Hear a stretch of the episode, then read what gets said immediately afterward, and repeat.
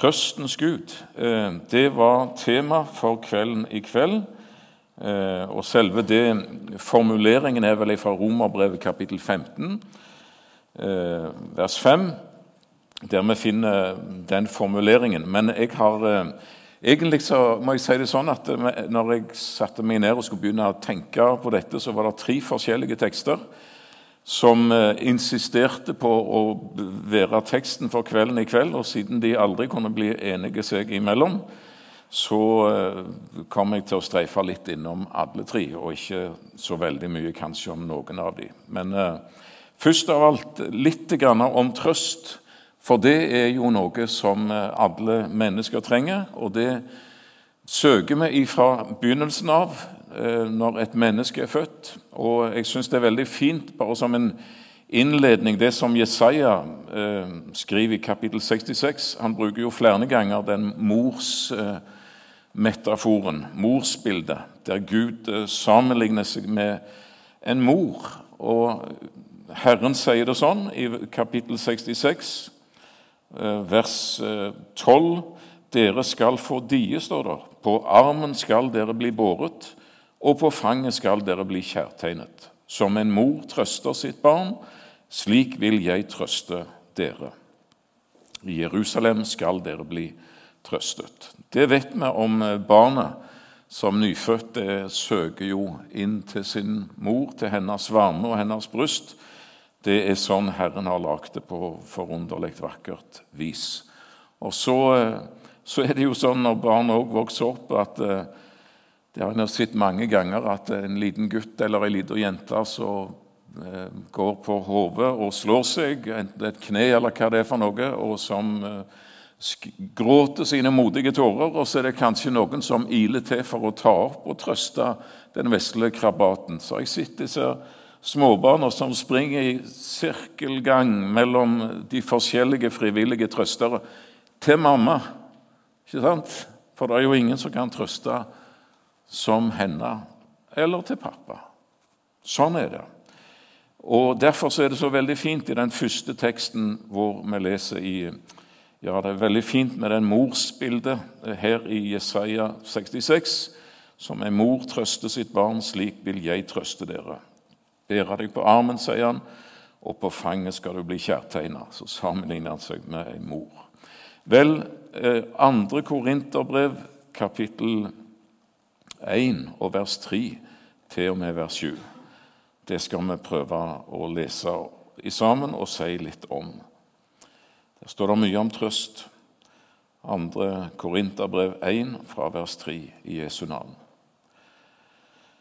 Lovet være Gud, vår Herre Jesu Kristi Far, barmhjertighetens Far og all trøsts Gud han som trøster oss i all vår trengsel, for at vi skal kunne trøste dem som er i all slags trengsel, med den trøst vi selv blir trøstet med av Gud.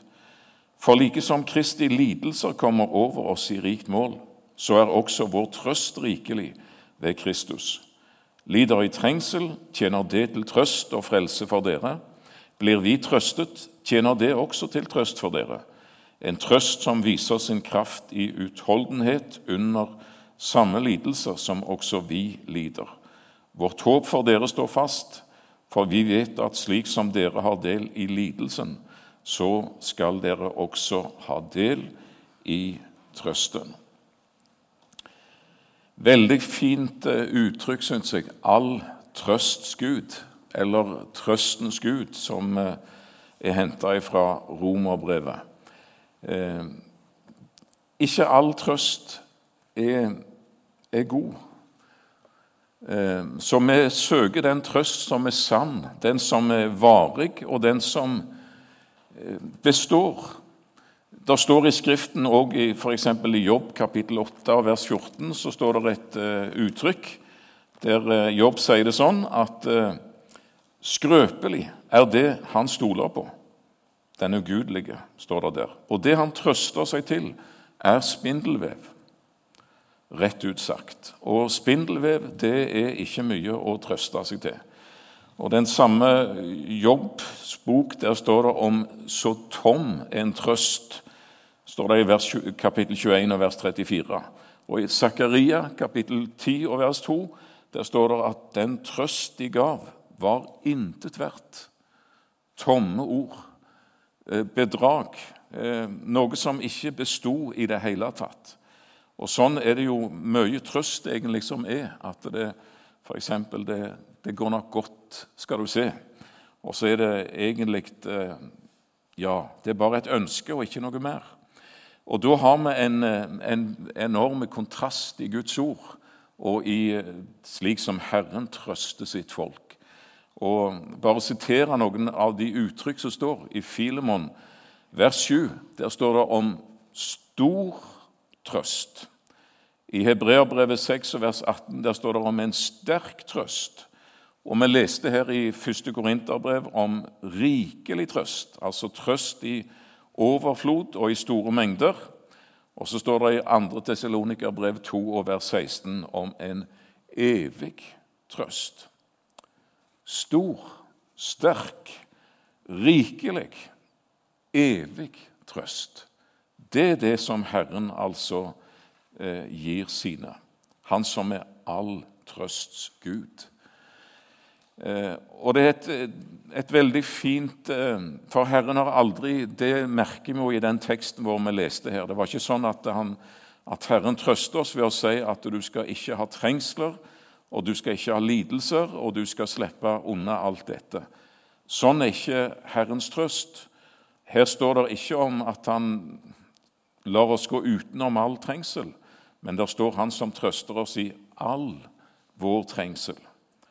Eh, det var tøft å høre Jesus til. Det var harde bud i den tida. Og i Akaia, som det står om her, at brevet er sendt til forskjellige menigheter i, eh, i hele Akaia. Det var forfølgelsestider, og det var trengselstider. Så den som tok imot Jesus og heiste flagget til topps, visste òg det at jeg må regne med å bære omkostningene ved det.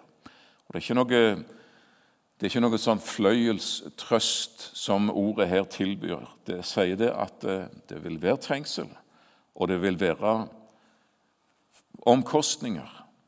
Men det skal være en trøst som er så stor og så sterk og så robust og så, av en sånn en varighet at den er i stand til å trøste oss i all vår trengsel og gjennom all vår trengsel veldig glad i det ordet i Jesaja. Nå siterer jeg en del bibelvers sånn i farten. Men eh, der Herren sier det at eh, når du går gjennom vann, er jeg med deg, og gjennom elver skal de ikke overskylle deg. Når du går gjennom ild, skal du ikke svies, og luen, altså ildluen, skal ikke brenne deg, for jeg er Herren din Gud. Så han lover ikke fritak men han sier at eh, 'jeg går med deg gjennom dette, og, og, du skal igjennom det'. Det er ikke det siste, og det er ikke det endelige, men jeg går med.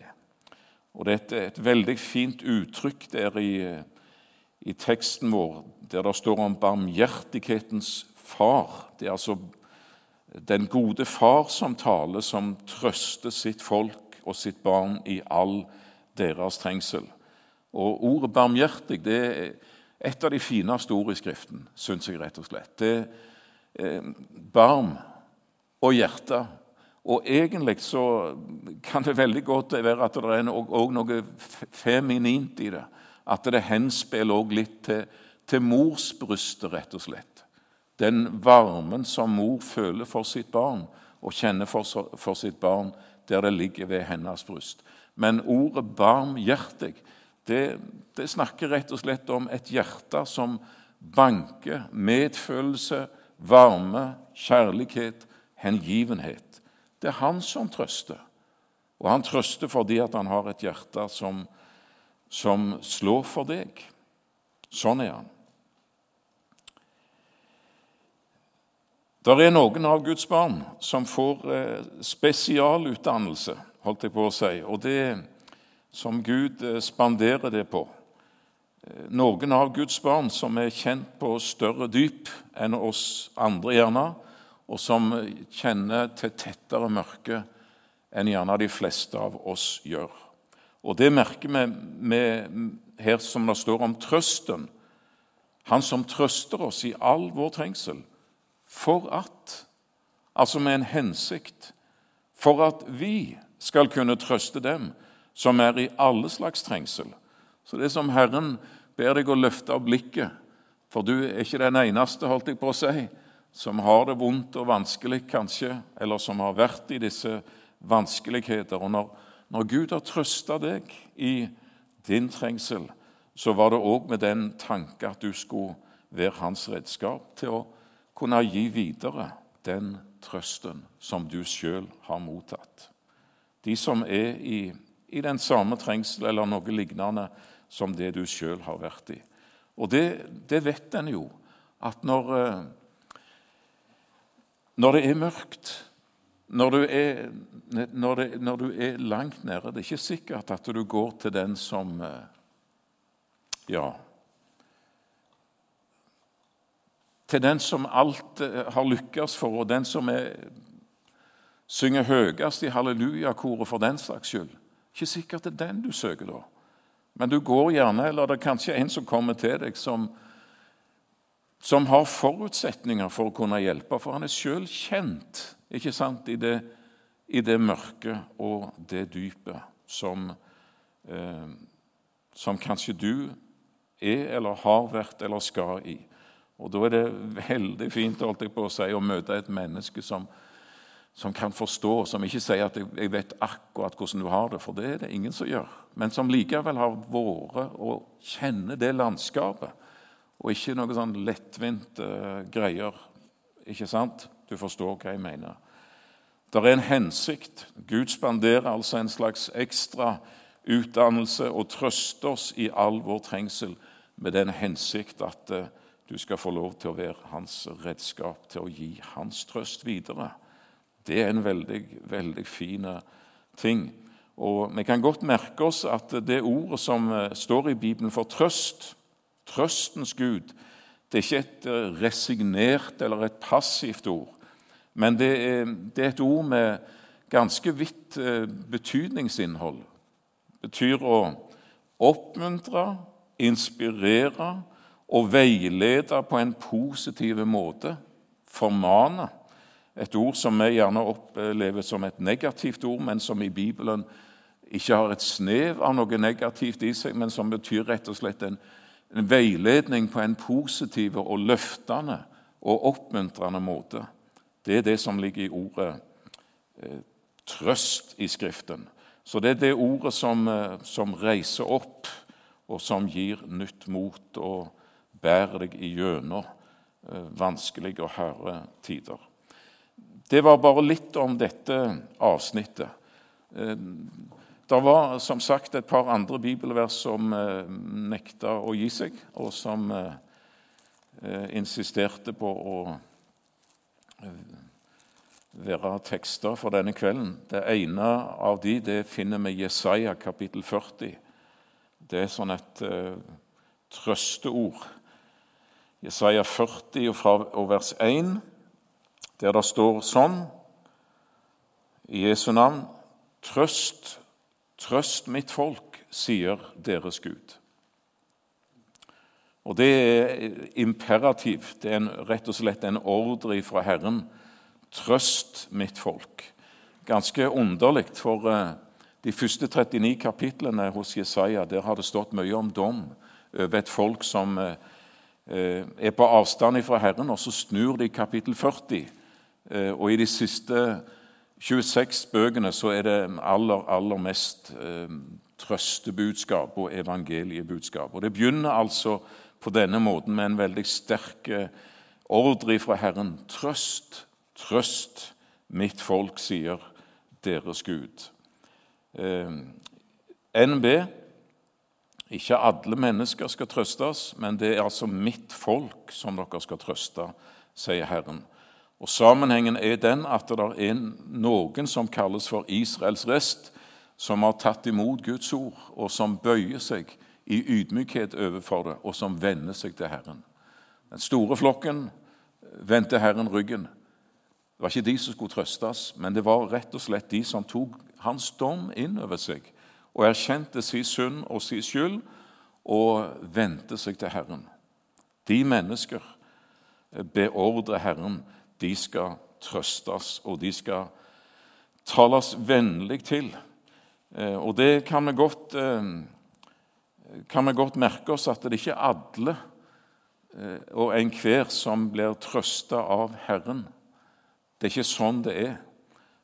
Og jeg tenkte i dag, når jeg så med dette på et ord i Jeremia, det sjette kapittel, der Herren retter en harmdirrende pekefinger egentlig mot profeter og prester som farer med svik, sier han.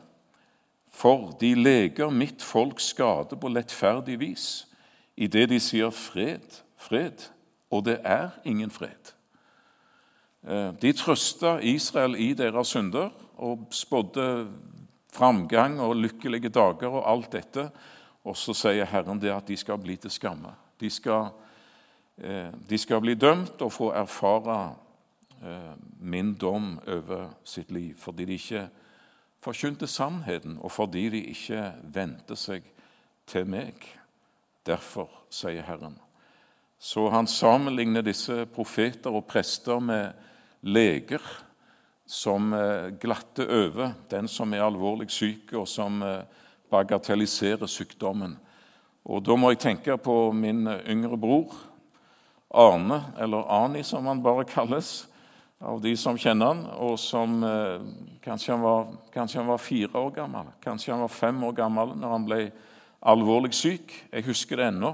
Husker at eh, veslebroren min lå der på sofaen og hadde det fryktelig vondt. Og Så eh, ringte mor og far til lege, og han kom eh, kjapt. og Han brukte heller ikke lang tid. Han eh, kikka litt overfladisk på guttungen, og så sa han det er ingen fare. Det det vil gå over av seg sjøl. Vi trenger bare tid og smertestillende og sånt noe. Så farvel. Sånn var det. Så han beroliga og trøsta mine foreldre og fikk de til å slappe av. Problemet var det at gutten ble ikke noe bedre.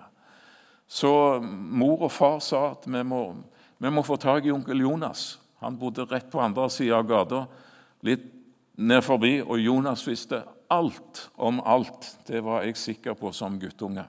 Så når Jonas kom opp og så på denne gutten, da slo han full alarm med det samme og sa at det kan, dere må få en annen lege. Og, og det er fort, for dette kan være skikkelig alvorlig. Ny lege som kommer, har det òg travelt, ser på gutten, slår full alarm og sier det kan stå om livet. Sykebil, inn til sykehuset, hasteoperert, hull på blindtarmen. Den natta lå eh, lillebroren min og svevde mellom liv og død. Det var i siste liten. Men du kan si Burde en sånn en lege som han lege nummer to i det hele tatt få lov til å praktisere, egentlig? Eh, han skremte mine foreldre. Han gjorde de utrygge og bekymra.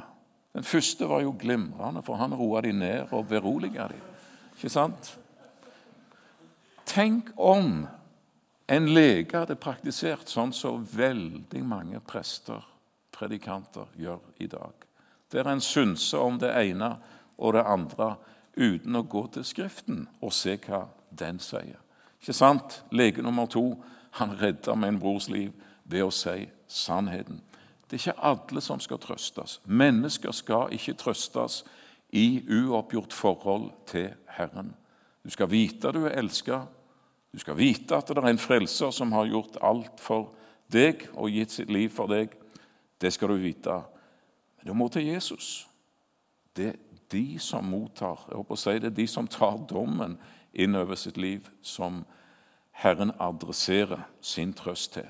Og Veldig fort her så er det tre. Er, og her er vi på basis, altså på, på selve hovedtrøsten for den som hører Jesus til. Det som Guds ord legger aller mest vind på. Jesaja 40 som trøstegrunn for oss som hører Herren til. Trøst, trøst, mitt folk, sier deres Gud. Tal vennlig til Jerusalem. Rop til henne at hennes strid er endt, for det første at hennes skyld er betalt for det andre, og at hun av Herrens hånd har fått dobbelt for alle sine synder. Det er basisen, hovedtrøsten. Én krigen er slutt. Det er fred. Fienden er nedkjempa og beseira. Det ble sunget om det. Jesus som har beseira og overvunnet Satan, og som det står i Kolosserbrevet 2 og vers 15, som har avvæpna og avkledd, som det ordet òg betyr, eh, Satan og hele hans ånde her, og la de stå avkledd og avvæpna tilbake igjen på korset eh, ved Golgata, eh, beseira. Det er de gode nyhetene. Det er det første trøstebudskapet som vi får høre om her. Krigen er slutt, seieren er vunnet, din motstander er beseira, og du får leve faktisk i Jesu seier eh, av bare, bare nåde. For det andre, trøst mitt folk med å si og forkynne at, eh, til Jerusalem at hennes skyld er betalt. Den gjeld hun hadde utestående med Herren, altså det skyldbrevet som det står om i Kolosserbrevet 2 og vers 14, som gikk oss imot, som var skrevet med bud, det som anklaga oss og påviste eh, synd og skyld, og som stengte himmelen for oss og åpna avgrunnen, dømte oss til en evig fortapelse. Rop, og rop vennlig til Jerusalem, ikke hardt og, og sånn, men, men tal veldig vennlig, men rop så høyt at du hører og får det med seg at hennes skyld er faktisk betalt. Ditt skyldbrev er utsletta. Jesus har gjort det. Og for det tredje, trøst mitt folk med dette. Ikke bare at eh, Eller bare, det er et feil ord. Men ikke kun det at, eh, at gjelder er betalt, og at du står gjeldfri innenfor Gud, men òg det at hun av Herrens hånd har fått dobbelt for alle sine synder. Det er et enormt trøstebudskap til den som hører Jesus til. For eh, vi ser det jo for oss dobbelt og vet hva det betyr. Og Det står i 2. Korinterbrev 8, vers 9 at dere kjenner vår Herre Jesu Kristi nåde, at Han for deres skyld ble fattig da Han var rik, for at dere ved Hans fattigdom skulle bli gjeldfri, sier Kolosserbrevet 2 og vers 14, og en del andre ord. Ja, tilføyer 2. Korinter 8 og vers 9 og mange mange andre vers i Bibelen, men ikke, ikke bare gjeldfri. For at dere ved hans fattigdom skulle bli rike. Hvis eh, et menneske står i en, i en enorm gjeld, så en ikke kan si at eh, for å ta skikkelig i at en har pådratt seg en milliard i gjeld og Eh, en, ikke, en, er konkurs personlig, og en har ingenting å rutte med. og Huset og alt kommer til å gå i dragsuget. Og i postkassen dag etter dag der eh, ligger der inkassokrav og sinte brev. Du hører formelig de knurre når du går til postkassen og glefser etter deg. Du har ingenting å stille opp med. På en fortvila vandring en dag i øsende regn så møter du en mann, og du kommer i samtale med han, og han spør hvordan har du det. Du har aldri møtt denne mannen før, men han viser en underlig omsorg og omtanke for deg. Og, og du forteller hvordan det er. Jeg er fortvila, for jeg har én milliard i gjeld, og jeg har ingenting å betale med, og det er over, og jeg blir kasta i gjeldsfengsel, osv., osv. Og så sier denne karen at kan jeg få lov til å få kontonummeret ditt? Kan jeg få lov til å ta meg av dette? Bare gå hjem. Ta deg en, en god dusj og få på deg noen tørre klær. og Ta deg en kaffekopp eller kakao eller hva det måtte være. og Slapp av. Nå er det min sak, og, og, og jeg tar meg av det. Og du går hjem, og du setter deg i kroken og du lager en kaffekopp og alt dette her. Og så så eh, tenker du hva, hva mente han egentlig med det? Og han, eh, Du ringer til Blankbanken, eh, og du har Har ikke noen god forbindelse der akkurat. Men du merker med en gang når du, det er selveste direktøren du blir henvist til, som, eh, som eh, personlig tar imot når den henvendelsen kom, og du spør ja, jeg bare lurte på én ting. Hvordan står det egentlig til? For stemmen hans er så annerledes. Eh, hvor, nei, det er ingen gjeld igjen. Det er borte alt sammen. Hele milliardgjelda er borte. Eh, men én ting til, sier bankdirektøren, og vi setter veldig pris på deg. Du er blant våre beste kunder, og jeg håper for all del at du blir hos oss. Det står en milliard i pluss på din konto. Dobbelt. Da er du ikke bare gjeldfri og syndig eller sletta, men da er du blitt rik. Og Det er det som er trøsten. Og egentlig så er det Bibelen taler mye mer om det hva vi er frelste til, enn hva vi er frelst ifra, eh, hvis du ser på det i Skriften. Romerbrevet 8, vers 1, det forkynner det er ingen fordømmelse for den som er i Kristus Jesus. Hele fordømmelsen har Jesus tatt, og det er ingen gjeld igjen. Men Efeserbrevet 1 og Romerbrevet 8 videre, f.eks., det snakker om på din konto så er det satt all åndelig velsignelse i himmelen i Kristus. Du har fått alt, eh, faktisk arva eh, den fortjeneste som Jesus har. Så det, det, er som om du sitter i dødscella, egentlig. Som du sitter i og venter på Akershus festning. Dødsstraff er gjeninnført, og du er dømt til lovens strengeste straff. Dødsdom og så er det ikke langt opp til Slottet. Der sitter kronprinsen ved, eh, og kommer inn til sin far, kongen, og sier det at eh, jeg, eh, det er en mann som sitter dødsdømt i Akershus. Jeg vet at han har fortjent den dødsdommen han skal ha, og alt, men jeg kommer ikke til å la han dø. Jeg kommer ikke til å tillate at det skjer. Ja, men dommen har talt. Ja, men eh, jeg skal ta hans plass og gå i døden i stedet for ham. Og så blir det faktisk sånn at den dag når henrettelsen skal skje, eh, da kommer denne limousinen som kjører ut fra Slottet med kronprinsen eh, som gjest der i baksetet. Og all verdens TV-kanaler og nyhetsmedier er der for å dekke det som skjer i dette merkelige annerledes landet høyt der oppe i nord, der en kronprins vil gå i døden i stedet for en dødsdømte forbryter som ikke engang har angra sånn som han burde gjøre i det hele tatt. Så filmes det, og så får du med alle detaljene.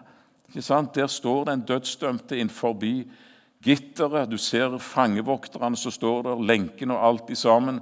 Kameraet sveiper på han, og så sveiper det over på på limousinen av en som kommer kjørende gjennom de trange gatene og inn og stopper rett foran.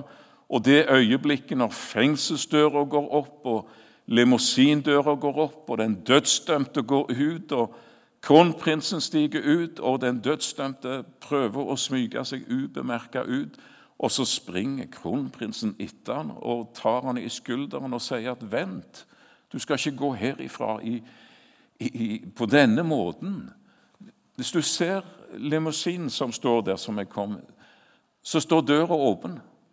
Den venter på deg.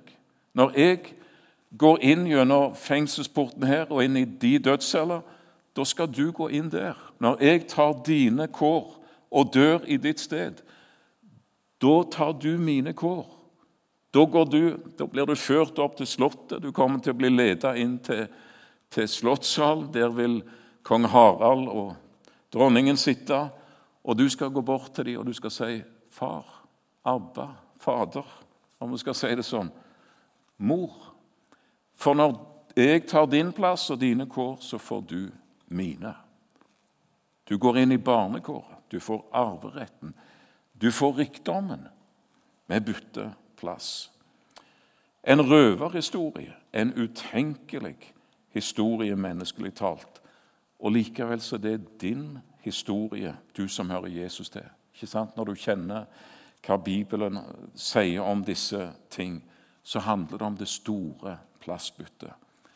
Det er trøst. Trøst, sier Herren. Han, han beordrer trøst mitt folk, de som har problemer med sine synder og nå vender seg til meg i, i sin hjelpeløshet. Trøst de.